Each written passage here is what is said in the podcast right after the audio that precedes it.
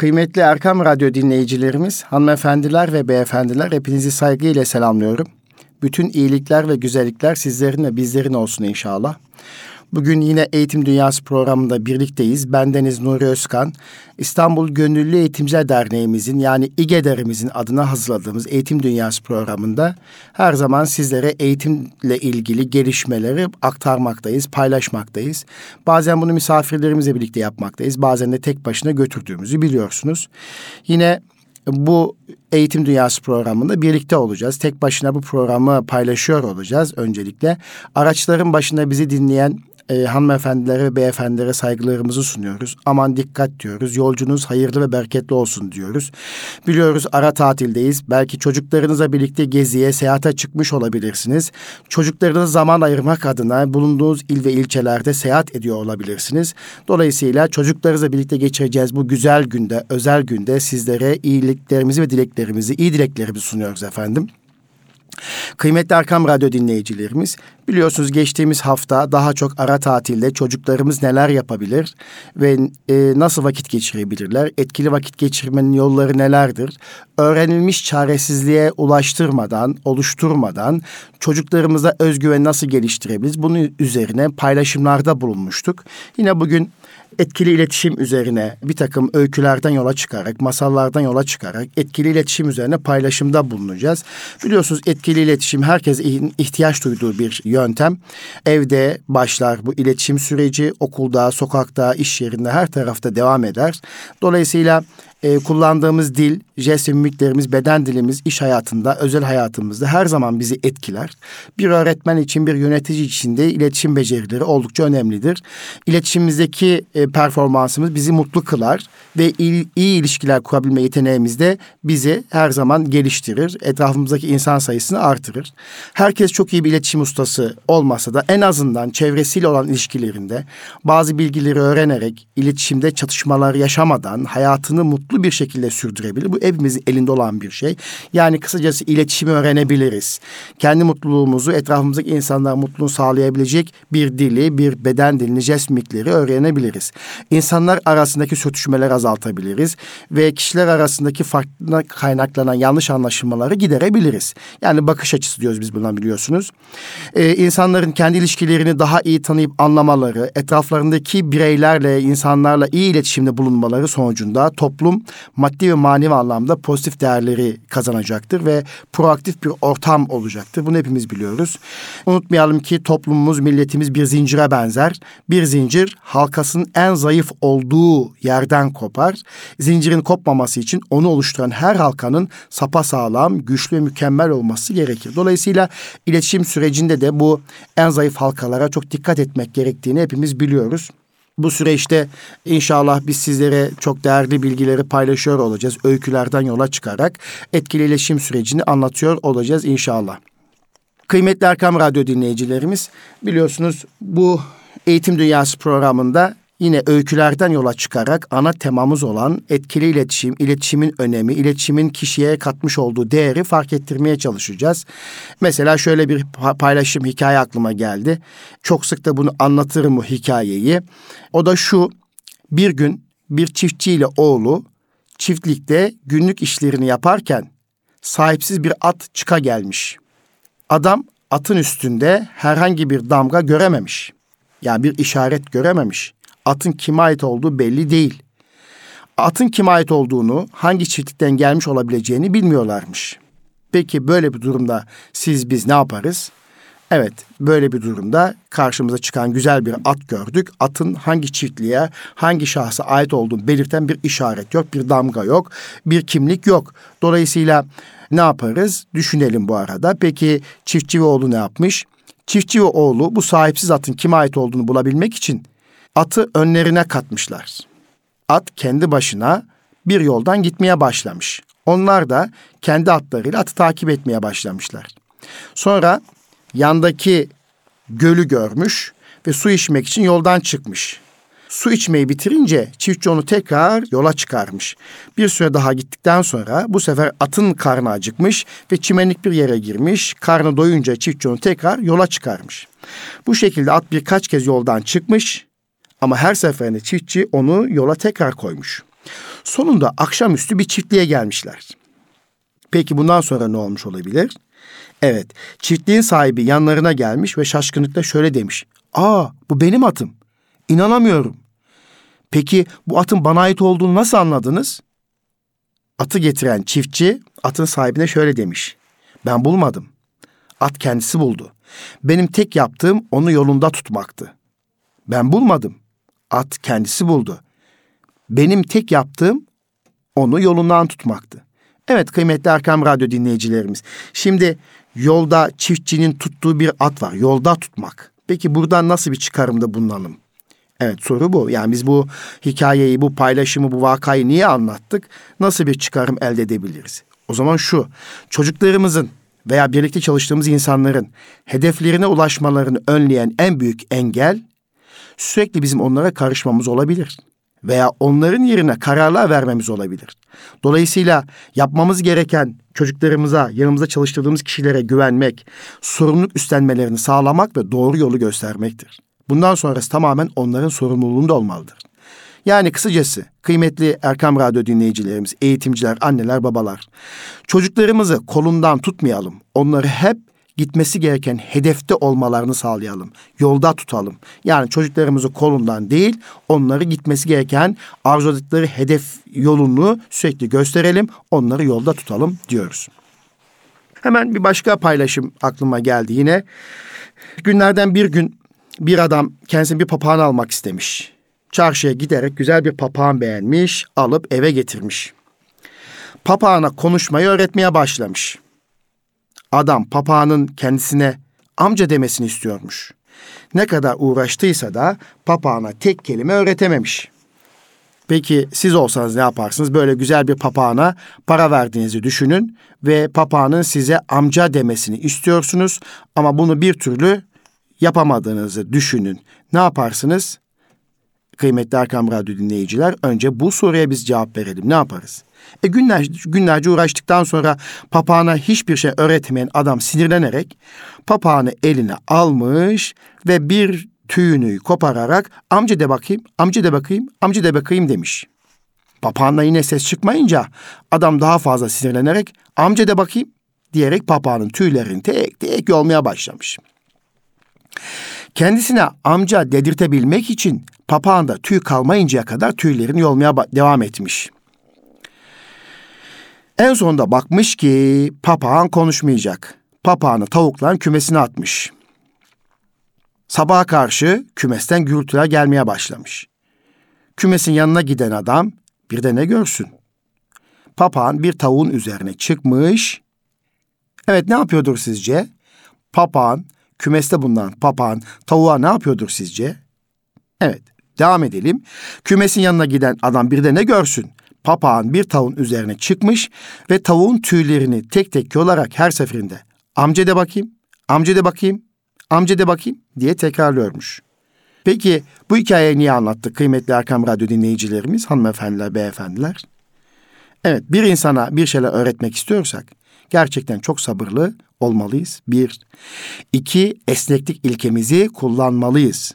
Dolayısıyla e, sabır etmediğimizde, esnek olmadığımızda, inatlaştığımızda bazen işte istenmedik sonuçları görebiliriz. Dolayısıyla öğrenme kişinin bunu istemesi ve kendisine bu bilgiyi veren kişi sevmesiyle mümkündür. Dolayısıyla çocuklarımızın öğrenme merakını oluşturmak gerekiyor. Öğrenme isteğini oluşturmak gerekiyor. Bir, iki, e, öğreticiyi de sevmesi gerekiyor. Yani kendisine bu bilgiyi veren öğretmenini, annesini, babasını, ailesini sevmesiyle mümkündür. Öğrenme sırasındaki olumsuz davranışlar, kişinin bilgiyi öğrenememesi neden olacağı gibi bu davranış aynen modellemesine de sebep olabilir. Dolayısıyla sonuç ne? Bizim sizin ne öğrettiğinizden çok karşınızdakinin ne anladığı önemlidir. Yani bizim ne öğrettiğimizden ne söylediğimizden çok çocuğumuzun, öğrencimizin, arkadaşımızın, bireyimizin, çalışanımızın ne anladığı önemlidir. O zaman buradan da çıkan sonuç yani papağan bakın amca da bakayım amca da bakayım diye uğraşan bir esnaf tüylerini tek tek yoluyor. Sonra bakıyor ki olmuyor. Onu kümese koyuyor. Ama daha sonra kümese giden papağan da bir sefer tavukların üzerine çıkar. Tek tek tüylerini yoluyor. Amca da bakayım, amca da bakayım. Yani modelleme yapıyor. Peki burada esnaf e, papağanı satın alan kişi sabırlı olsaydı, esnek olsaydı, önce papağanla iyi bir iletişim kurabilseydi, onunla iyi bir adiyet oluşturabilseydi, sonuçta dediğini yaptırabilirdi. Demek ki oradaki iletişimdeki aksaklıklar e, bir takım inatlaşmaya doğru gidiyor ve papağanın tepki göstermesi neden oluyor. Kısacası bizim ne öğrettiğimizden çok karşımızdakinin ne anladığı önemlidir vurgusunu yapıyoruz. Peki kıymetli Erkam Radyo dinleyicilerimiz başka bir iletişim dedik ya hani iletişim önemli anne baba aile e, okul herkese lazım ihtiyaç duyulan yani burada da bir paylaşımda bulunduk. Şimdi başka bir paylaşımda bulunmak istiyorum. Oradan da kendimize bir ders çıkartalım. Çevreden öğrendiklerimiz o kişinin düşüncelerini, duygularını, inançlarını bir kişinin etkiler mi? Etkiler. Kişiler hangi çevrede yaşamışlarsa o çevrenin örf ve adetlerinden etkilenir mi? Evet etkilenir. O zaman çocuklarımızın iyi çevrelerde ve iyi insanlarla birlikte olmasına her zaman dikkat etmeliyiz. Peki yani su bulunduğu kabın şeklini alır. Ülkenin birinde kralın askerleri evleri tek tek dolaşarak kontrol ediyorlarmış. Bir köylünün evine vardıklarında, girdiklerinde köylünün papağanı askerlerin yanında kahrolsun kral, kahrolsun kral deyince askerler sinirlenmiş. Sana iki hafta mühlet. Ya bu papağana doğru dürüst bir şeyler söylemeyi öğretirsin ya da akıbetin kötü olur demişler. Bakın eve kral geliyor. Evleri dolaşan bir kral var. Ve bir köylünün evine girdiklerinde köylünün papağanı da askerlerin yanında kahrolsun diyor. Kahrolsun kral, kahrolsun kral diyor. Şimdi böyle bir durumda siz ne hissedersiniz? Ne kadar zor çekersiniz değil mi? Kara kara düşünen köylü bir müddet sonra köyün kilisesine giderek rahibe derdini anlatmış. Bunun üzerine rahip hiç üzülme. Benim papağanımla senin papağanı değiştirirsek hiçbir sorun kalmaz demiş. Hmm. Peki iki hafta sonra askerler Köln evine gelmişler ve papağanın yanına gitmişler. Ancak papağan hiç konuşmuyormuş. Bunun üzerine askerlerden biri papağanın tekrarlayacağını düşünerek kahrolsun kral, kahrolsun kral deyince papağan kafasını kaldırıp şöyle demiş. Allah dualarınızı kabul etsin efendim. Allah dualarınızı kabul etsin efendim. Yani ne demek? E, o papağan nereden geldi efendim? Kiliseden geldi.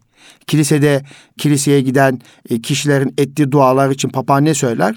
İşte Tanrı dualarınızı kabul etsin. Veya Allah dualarınızı kabul etsin efendim. E şimdi papağan değişince kilisedeki papağan köylünün evine, köylüdeki evindeki papağan kiliseye gidince ne olur? Yine o duyduklarını söyleyecek. E ne duyar? Allah duanızı kabul etsin. Yani kişi hangi çevrede yaşamışsa o çevrenin örf ve adetlerini gittiği yere taşır, götürür. Dolayısıyla öğrenme yaşantıları da aileden başlar. O ailedeki örf, adetler, gelenekler e, ve öğrenme yaşantıları okula taşınır. İşte öğretmen, eğitimci bunlara dikkat etmeli. Ve kişi çevreden öğrendikleri düşüncelerini, duygularını, inançlarını bulunduğu gittiği yere götürmektedir. O zaman biz ne diyoruz? Su bulunduğu kabın şeklini alır. Eğitimciler de bu bulunduğu ortamı, öğrencinin bulunduğu ortamı veya personelin bulunduğu ortama dikkat etmelidir. Yani personelimizin yaşantıları bizi bu anlamda ilgilendiriyor veya öğrencimizin yaşantıları bizi bu anlamda ilgilendiriyor. Evet. Peki çocuklarımıza küçük yaşlardan itibaren sorumluluk vermeliyiz dedik. İlerlemeleri engelleyecek şekilde onlara kol kanat germek, onların gelecekte hiçbir şey yapamazsına sebep olabilir. Bugünümüzün en büyük derdi bu. Çocuklarımıza küçük yaşlardan itibaren sorumluluk verme cesareti ailelerimizde maalesef yok.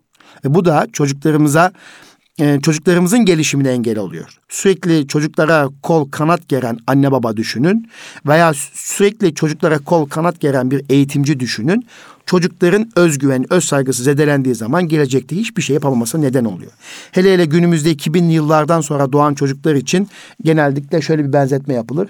2000'li yıllardan sonra doğan çocuklar bu gidişata dur denilmesi engellenmezse bu yaşadıkları bireyselcilik, dijital ortamdaki iletişim biçimleri hayata taşındığında 30-35 yaşlarına geldiklerinde bir aile olamayacaklar, işletme kuramayacaklar, ellerine 1 milyon TL para verseniz bu parayı değerlendiremeyecekler deniliyor. Böyle bir sıkıntı var.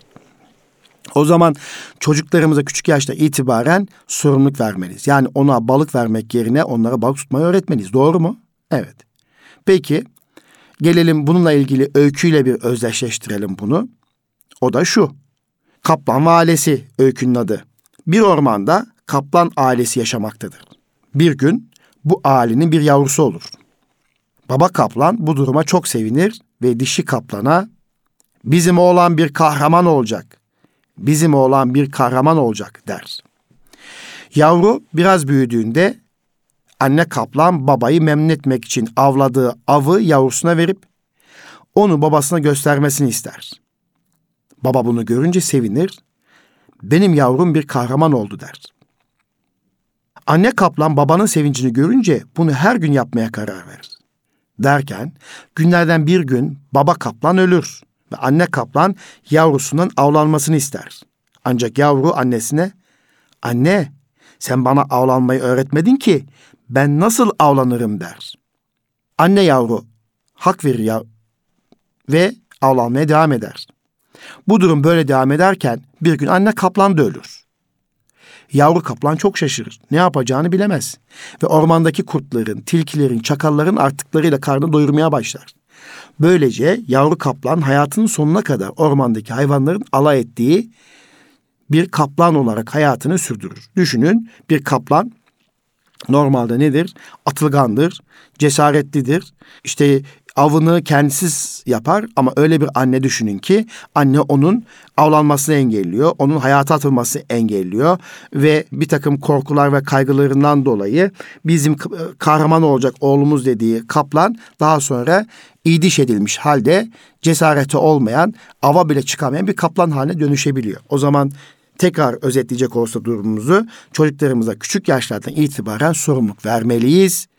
İlerlemeni, e, ilerlemelerini engelleyecek şekilde onlara kol kanat germemeliyiz.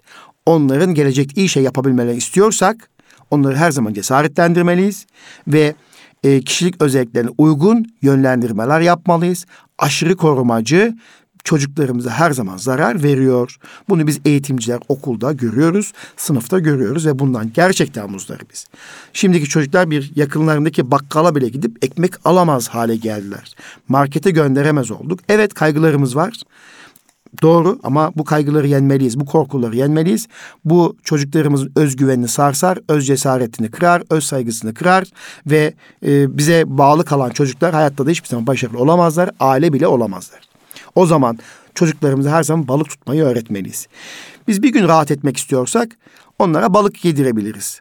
Balık ikram edebiliriz. Ama ömür boyu rahat etmek istiyorsak sürekli balık yedirmektense onlara balık tutmayı öğretmek e, esas olmalıdır diyoruz buradan da yola çıkarak. Evet. Kıymetli Erkam Radyo dinleyicilerimiz, hanımefendiler, beyefendiler, hayatta bir müşterek müşterek olduğunu hepimiz biliyoruz. Ailemize nitelikli bir beraberliği paylaşmalıyız ve mutluluğu da her zaman evimizde çocuklarımızla birlikte aramalıyız. Şu anda ara tatil bir fırsat. Çocuklarımız yanımızda. Evet e, küçük çocuklarımız, büyük çocuklarımız, okula giden bütün çocuklarımız şu anda evimizde birlikteyiz. E, çocuklarımızla birlikte etkili ve anlamlı vakitler geçirebiliriz. Vaktimiz oldukça etkinliklere gidebiliriz, doğa yürüyüş yapabiliriz. E, bir takım müzelere gidebiliriz, camilere gidebiliriz, tiyatrolara gidebiliriz. Bunu daha önce de e, paylaşmıştık tatilde neler yapabiliriz diye. Aile büyükleri ziyaret edebiliriz. Şimdi mutluluk denen değerli elması dünyanın dört bir yerinden arayanlar bulamazken evlerinde arayanlar mutluluk elmasını bulabilir. Evet. Şimdi e, evde bekleyen bir aslan öyküsüyle bunu biraz geliştirmek istiyorum, anlatmak istiyorum. Bir gün aslan hızlı adımlarla yolda giderken bir öküze rastlar. Öküz aslana hayırdır böyle telaşlı telaşlı nereye gidiyorsun diye sorar. Aslan cevaplar eve gidiyorum. Öküz aslanın telaşına bir anlam veremez ve aslana takılmaya başlar. Ne o aslan kardeş? Yoksa hanımından mı korkuyorsun? Bak ben hiç kork korkuyor muyum? Aslan cevabı yapıştırır. Tabii korkmazsın. Çünkü seni evde bir inek bekliyor. Ama beni dişi bir aslan bekliyor der. Evet, dolayısıyla mutlu ve huzurlu aileleri incelediğimizde hepsinde görülen en önemli özellik aile reisi olan erkeğin eşine ve çocuklarına olan bağlılığıdır. İşten çıkınca, evden çıkın, işten çıkınca bir an önce eve gitmek isteyen ya da evine gittiğinde ev işlerinde ailesine yardım etmeye çalışan erkekler, istediği saatte evine giden ve evine gidince hiçbir şey eline sürmeyen erkekler tarafından yadırganmaktadırlar. Ancak evine bağlı kişilerin aileleri daha mutlu olurken bu konuyu fazla önemsemeyen kişilerin ailelerinde mutluluğu yakalamaları daha güç olmaktadır. Kısacası hayat müşterektir. Ailemize, çocuklarımıza birlikte nitelikli bir paylaşım gerçekleştirelim ve mutluluğu her zaman evimizde arayalım kıymetli dostlar. Evet, padişahın birine çok güzel bir at hediye edilmiş. Padişah hediye edilen bu atı, hediye edilen bu atı çok sevmiş. Ve vezir yanına çağırarak ona, bak vezir, bu atı sana emanet ediyorum. Bunun sorumluluğunu sana veriyorum. Kime ne görev verirsen ver ama atıma çok iyi bak. Sakın ha bana at öldü diye gelmeyesin demiş ve atı vezire teslim etmiş. Vezir önce biraz korkmuş ama ata bakmaya başlamış. Birkaç ay sonra bir gece at ölmüş. Vezir başını elleri arasına almış, kara kara düşünmekteymiş. O sırada yanına sarayın şaklabanı gelmiş. Ve vezire neden bu kadar üzgün olduğunu sormuş. Vezir de ona durumu anlatmış. Merak etme demiş şaklaban. Ben bu işi halledebilirim. Vezir nasıl halledersin diye sorunca haydi gel padişahın huzuruna çıkalım ve nasıl halledeceğimi göstereyim demiş şaklaban. İkisi birlikte padişahın huzuruna çıkmışlar. Şaklaban padişaha şöyle demiş. Kıymetli padişahım, siz vezirize bir at vermiştiniz ya. İşte o at yere yattı, kalkmıyor. Padişah, ee demiş. Başka ne oldu? Efendim gözlerini kapattı, açmıyor. Ee nefes de almıyor padişahım. Padişah birden desene sen bizim at öldü demiş. Şaklaban, vallahi padişahım bunu siz söylediniz. Ben öldü falan demedim demiş ve veziri kurtarmış. Peki bu öyküden, bu olaydan ne çıkartalım kendimize? Bir sözü söylemekten söylemeye fark var. Bazen söylenen bir söz başımıza büyük dertler açabilir, bazen de yolumuzu açan bir ışık olabilir. Gerçekten bazı insanları görüyorum. Ben de bu anlamda kendimi hep eksik kabul ediyorum. Bazı insanlar gerçekten sözün ustası oluyorlar. Söz ustası oluyorlar. Karşıdaki insanı etkileyebiliyorlar. Yunus Emre'nin hemen bir mısrası aklıma geldi. Söz ola kese savaşı, söz ola kestire başı, söz ola ağulu aşı, bal ile yağ ede bir söz. Kullandığımız kelimeler ve bunları kullanma biçimimiz bir konudaki başarımızı veya başarısızlığımızı etkiler. Dolayısıyla bazen deriz husulsüzlük usulsüzlüktendir. Yani bir şeye bağımsız olamamışsak, bir durumu gerçekleştirememişsek, istediğimiz hedefi yakalayamamışsak veya istediğimizi elde edememişsek bilin ki sadece süreç karşı tarafla ilgili değil, aynı zamanda bizim usulsüzlüğümüzden veya söz noktasındaki eksikliğimizdendir. Böyle bakmak lazım. Bir sözü söylemekten söylemeye fark var. Bazen söylenen bir söz başımıza büyük dertler açabilir. Bazen de yolumuzu açan bir ışık olabilir. Evet. Biraz önce yine ailede iletişimle alakalı evde mutluluğu aramakla ilgili bir paylaşımda bulunmuştuk. Aile hayatında mutlu olmanın ilk şartı da her zaman sabır ve anlayıştır kıymetli dostlar. Eşler birbirlerini anlamalı ve kendilerine karşı tarafın yerine koymaları gerekir. Yani kendilerini her zaman karşı tarafın yerine koymaları gerekir. Evlilik iki kişinin birer ucundan tuttuğu ince bir iplik gibidir. Yani evlilik iki kişinin birer ucundan tuttuğu ince bir iplik gibidir. Günümüzde bakıyoruz özellikle İstanbul'da yaşadığım için çevreme bakıyorum. Çok fazla e, boşanmalar görüyorum. Anne babaların ayrılıklarını görüyoruz. Okullarımızda bunlara şahit oluyoruz. Evet dedik ya bir iplik gibidir. Biri çekince diğeri ipi gevşek bırakmalıdır. Yani biri ipi çekince diğeri ipi gevşek bırakmalı. Yani germemeli. Bunu söylemeye çalışıyoruz. Uzun süren mutlu evliliklerin temeli ancak böyle atılabilir, devam ettirebilir. Yapılması gereken eşlerin birbirine karşı sabırlı, anlayışlı, hoşgörülü olmaları. Birbirlerine kızdıkları anlarda yaşadıkları mutlu günleri hatırlayarak sakinleşmeye çalışmalıdır. Sabır, sevginin sonucuysa meyvesi çok tatlı olur. Evet, ormanın kenarında yaşayan büyük bir bilge varmış. Bu bilge gösterdiği kerametleriyle ünlüymüş. İnsanlar ona gelip fikir danışırlarmış. Yine bir gün üç kişi çok uzak yollardan ona fikir danışmak üzere gelmişler. Bilge kişi evde yokmuş. Kapıyı karısı açmış ve misafirleri içeri buyur etmeden daha kapıdan kovalamış. Bu kadar uzak yoldan gelen insanlar bu tavır karşısında şok olmuşlar ve çok üzülmüşler. Tam geri dönerlerken yolda Bilge ile karşılaşmışlar. Bilge ormandan kestiği odunları bir aslanın sırtına yüklemiş, evine doğru yol alıyormuş. Adamlar Bilge'ye olanları anlatıp anlatmamak konusunda tereddüt içerisindelermiş. Onlar daha Bilge'ye bir şey demeden Bilge onlara şöyle demiş. Biz evdeki aslana sabrediyoruz. Allah da bize buradaki aslanı hizmetçi kılıyor. Bunu tasavvuf kitaplarında da bir Evliyaullah için, Evliyaullah'ın hayatı için de söylene benzer şey. De tabi burada bir Evliyaullah'ın hayatında da böyle bir menkıbe var. Ee, bu hikayede an, anlatılan şeyi orada görüyoruz. O Evliyaullah Allah dostu ziyarete gelen müritleri evde Allah dostunu göremiyorlar ama kapıyı karısı açıyor ve misafirleri içeri buyur etmeden çok kaba davranıyor ve kapıyı kaval, kapıyı kapatıyor ve evden de kovalıyor. Ta uzaktan gelen bu müritler, bu şahıslar hayal kırıklığına uğruyorlar. Tam geri dönerlerken Evliyaullah'ı karşıda görüyorlar, karşılarında görüyorlar ve ormandan kesti odunları bir aslanın sırtına yüklemiş. O mübarek zat evine doğru gidiyormuş. Adamlar Evliyaullah'a bir şey sormadan Evliyaullah Allah dostu onların durumuna vakıf oluyor ve diyor ki biz evdeki aslana sabrediyoruz. Allah da bize buradaki aslanı hizmetçi kılıyor diyor. Yani kısacası herkesin hayatında e, bir takım sıkıntılar elbette var. Ama bazı bazen bu e, imtihan olabilir kişi için, birey için. Burada da sabır gerekiyor, anlayış gerekiyor. E, yapılacak bir şey yok. Çocukları düşünmek gerekiyor. Yani aile hayatını devam ettirebilmek için bir tarafın sabretmesine ihtiyaç var. Çünkü sabır sevginin sonucuysa meyvesi de çok tatlı olur. Bunu böyle özetleyelim kıymetli dostlar. Evet hepimizin hoşlandığı veya hoşlanmadığı birçok şey var. Ancak biz birini çok seviyorsak, onunla bir şeyler paylaşmak istiyorsak, onun hoşlandığı şeyler olan bakış açımızı da esnek olmalıyız.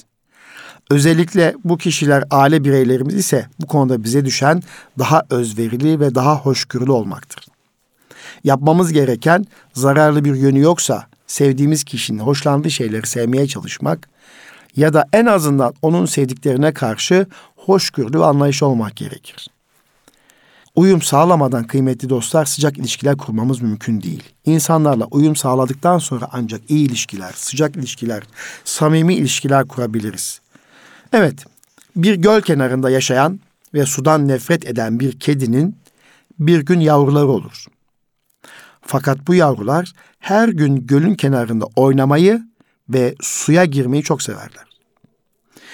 Yavrularıyla birlikte göle giren ve onlarla suyun içerisinde oynayan anne kediyi gören bir başka kedi hayretler içinde kalır ve ona sorar. Sen yıllardan beri sudan nefret ederdin ama görüyorum ki artık sudan hiç çıkmıyorsun. Bunun sebebi nedir? Anne kedi şöyle cevap verir. Hala suyu hiç sevmiyorum. Ve, ve göle girmekten de nefret ediyorum. Ama ben yavrularımı çok seviyorum. Yani e, sudan korktuğu halde göl kenarında suda oynamaktan korkan bir anne kedi yavruları mutluluğu için yavruların mutlu olması için, özgüveni için o e, korktuğu suda oynamayı yeğliyor. Geçenlerde biz bir orman etkinliği yapmıştık İstanbul'da. 34 e, Orman Park'ta hava şakır şakır yağıyor. Ama bir tarafta çocuklar bir tarafta aileler ormanda biz keyiflice eğlendik. Annelere baktım çocukların keyifli eğlencelerini görünce o yağmurlu havada hiç e, sıkıntı yapmazlar. Ben de dedim ki ya çocuklar ıslanıyorlar yağmurun altında bakın neden bu kadar rahat duruyorsunuz? Annenin bir tanesi dedi ki hocam onların yağmur altında ıslanmalarını gördüm ama onlar o kadar mutlular ve o kadar güzel oynuyorlar ki e, onların bir an hasta bile olacağını düşünmüyorum. Şu anda benim düşündüğüm tek şey onların bu mutluluğu yaşamaları, bu anı değerlendirmeleri. Dolayısıyla ben de şu anda bu ortamdan keyif aldığıma göre besbelli ki onlar da keyif alıyorlar demişti. Dolayısıyla çocuklarımızın bazen keyif aldığı güzel şeylere de müsaade etmek gerekiyor. Yine geçtiğimiz günlerde İstanbul e, yağmur altında kalmıştı. Yağmur sonrası her tarafta su birikintileri oluştu. Baktım e, üzerini güzelce giydirmiş birkaç anne çocuklarını bahçeye çıkarmışlar ve bahçede su birikintileri içerisinde anne çocuk hep beraber oynuyorlar. İmrendim doğrusu, kıskandım. Çocuklar kirlenircesine suyun içerisinde oynuyorlar. Ama çocuklar o kadar mutlu ki. Yani bazen çocuklarımızın dışarıda keyiflice oyun oynamalarına izin vermek gerekiyor. Hatta o oyuna bizim de dahil olmamız gerekiyor. Sonra merak ettim yine sordum. Dedim ki çocuklar suyda oynan, oynuyorlar. Bakın sürekli suyu etrafa sıçratıyorlar ve üzerleri batıyor. Dedi ki annenin bir tanesi keyifliler dedi. Onların mutluluğu benim için daha önemli. Yani bu sözleri duyamaz olduk. Gerçekten annelerden bunları duyamaz olduk. Çok aşırı bir şekilde koruyucu olduk. Bazen bizler çocuklarımızın e, sevdiği bir işi yaparken biz sevmesek bile onlar mutlu iseler, onlara bir takım güzellikler katıyorsa, eğleniyorlarsa onların eğlenmeleri için biz de o rahatsız olduğumuz şeyden e, vazgeçmeliyiz, esnek olmalıyız diyorum kıymetli dostlar. Kısacası çocuklarımızla iyi bir iletişim kurabilmek için onlara uyum sağlamalıyız. Uyum sağlamadan sıcak ilişki kurmamız mümkün gözükmüyor. Evet. Efendim bazı insanlar vardır. Çalıştıkları iş yerinde ve sosyal çevrelerinde son derece neşeli ve hayat dolu insan tipi çizerken eve girdiklerinde tamamen farklı insan olabilirler. Bu kişileri ev ortamının dışında tanıyanlar onun evin içerisinde terör estirdiğini ya da ev halkıyla iletişim çok zayıf olduğunu asla tahmin edemezler. Evet yapmamız gereken iş hayatında ya da sosyal çevremizde yaşadığımız güzelliklerin çok fazlasını ev ortamında, aile ortamında yaşamaya çalışmalıyız. Evet. Evde barış, huzur, evde barış, huzur, dışarıda da barış ve huzuru sağlar. Evet. Bir sirkte çalışan ve insanları kahkahalara boğan bir maymun her akşam eve yorgun, argın bir şekilde gelirmiş. Evet. Hepimiz günlük hayatta buna benzer şeyleri yaşıyoruz. İş hayatımız o kadar yoruluyoruz, yorgun argın oluyoruz ki eve enerjimiz kalmıyor. Yani şahsen bu bende de çok oluyor. Yani kontrol edemiyorum kendim belki. Yani e, çok yorgun oluyorsunuz. İş hayatını o derece yoğun, yoğun geçiyor, yorucu geçiyor. E, eve geldiğin zaman artık yorgun, bitkin oluyorsunuz. Ve her akşam eve yorgun, argın şekilde gelen o maymun evde hiç gülmezmiş. Dişi maymun onu tatlı dille, güler yüzle karşılarmış. Dişi maymun kocasının bu suratına daha fazla dayanamamış ve sistem ederek sormuş. Eve geliyorsun, yüzünden düşen bin parça. Halbuki sen dışarıda yüzlerce kişiyi güldürüyorsun, eğlendiriyorsun, etrafa neşe saçıyorsun. Ne olur sanki bir de akşamları bana, ailemize, çocuklarımıza bir güler yüz göstersen? Maymun hiç istifini bozmadan şöyle söylemiş. Kusura bakma hanım, ben akşam eve iş getirmem. Evet. Yani e, sirkte sürekli insanlar güldürmeye, e, eğlendirmeye vakit geçen bir maymun içinde söylenecek bir söz tabii. Kusura bakma hanım, akşam ben eve iş getirmem. Yani akşam niye sizi eğlendireyim, niye sizi güldüreyim, niye size neşe saçayım diyebilir. Evet bazı insanlar da gerçekten böyle e, günlük hayatta insanları eğlendiren, iş yerinde arkadaşlarını eğlendiren veya sirklerde gülücükler satan o kişiler bazen eve gittiklerinde veya arkadaş çevrelerinde e, gerçekten surattan gülmediğini görüyorsunuz. Yani e, o neşeyi ev hayatında veya e, yakın çevresinde göremiyorsunuz. Evet bunu da dikkat etmek lazım. Yani e, dengeyi sağlamak gerekiyor. Kıymetli dostlar, Erkam Radyo dinleyicilerimiz bir insana bir beceri kazandırmak istediğimizde önce onun başarabileceği bir noktadan başlayıp basamak basamak ilerlemesini sağlamak gerekir. Yani nasıl e, bir bebek 5-6 e, ayı geçtikten sonra yürümesini hemen beklemezsiniz değil mi? Nasıl yapar? Önce emekler. Geri geri gider, ileri ileri gider ama elleri, kolları ve ayakları üzerinde, dizleri üzerinde emekleme deriz biz bunu. Emekler. Epey bir süre emekler. Sonra e, bir yere tutunarak birkaç adım atar ve düşer.